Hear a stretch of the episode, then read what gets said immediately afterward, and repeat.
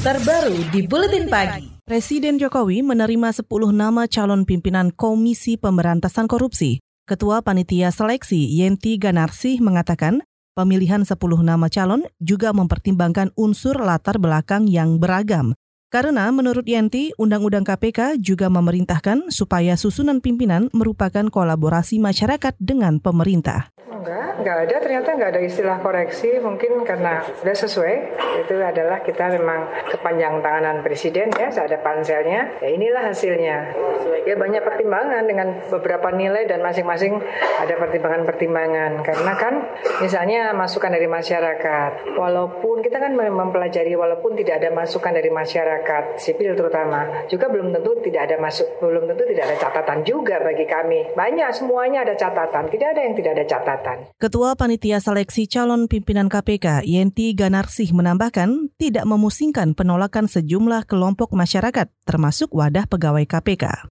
Saudara ke-10 calon pimpinan KPK yang namanya diserahkan ke Presiden, yaitu Alexander Marwata, Komisioner KPK, Firly Bahuri, anggota Polri, I. Nyomanwara, Auditor BPK, Johanis Tanak, seorang jaksa, Lili Pintauli Siregar, advokat, Lutfi Jayadi Kurniawan, dan Nurul Gufron, Keduanya adalah dosen, Nawawi Pomolango, Hakim, Robi Arya, PNS Sekretariat Kabinet, dan Sigit Danang Joyo, PNS Kementerian Keuangan.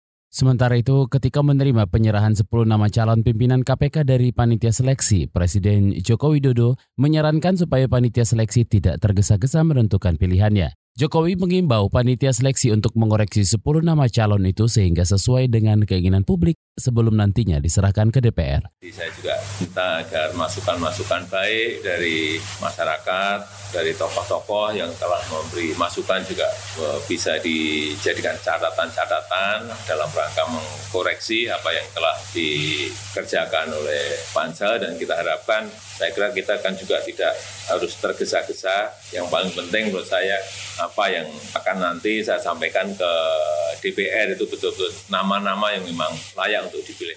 Sesuai Undang-Undang KPK, Presiden Jokowi berhak mengintervensi 10 nama calon pimpinan yang diajukan panitia seleksi. Selain itu, Presiden juga punya hak untuk memerintahkan panitia seleksi mengevaluasi kembali 10 nama yang sudah diserahkan. Evaluasi itu penting, kata Jokowi, supaya 10 nama calon yang nantinya diserahkan ke DPR adalah sosok yang tepat. Di DPR, 10 nama calon harus jalani uji kepatutan dan kelayakan untuk dipilih 5 calon saja.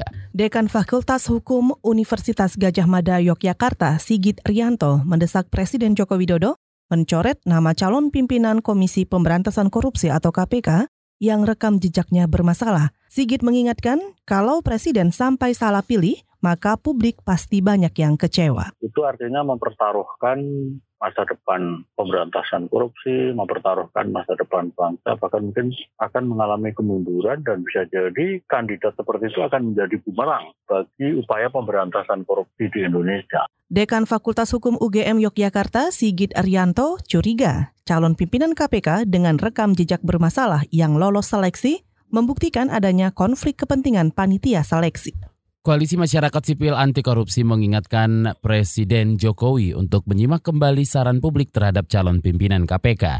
Anggota koalisi sekaligus Direktur Pusat Studi Konstitusi Fakultas Hukum Universitas Andalas Ferry Amsari menyebut etika integritas calon harus diutamakan Presiden sebagai dasar pilihan supaya empat tahun mendatang KPK semakin kuat yang dikirim ke DPR itu betul-betul yang sudah bersih lah ya. Kita ingat tidak ada pengaruh lebih-lebih politik. Yang bermasalah itu dicoret, jangan dimasukkan. Karena kalau sudah ke DPR, DPR kan menganggap ini sudah seleksi panjang, berarti siapa pun yang dipilih bisa. Dan tinggal DPR karena lembaga politik ya menggunakan lebih-lebih politik, kepentingan politik.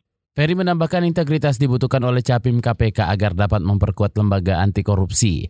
Oleh karena itu, apabila Presiden masih meloloskan nama-nama yang diduga bermasalah, maka masyarakat harus terus mengawal dan mengawasi proses seleksi capim KPK hingga di tangan DPR. Ia mengingatkan salah memilih pimpinan KPK berarti melemahkan KPK. KBR, inspiratif, terpercaya.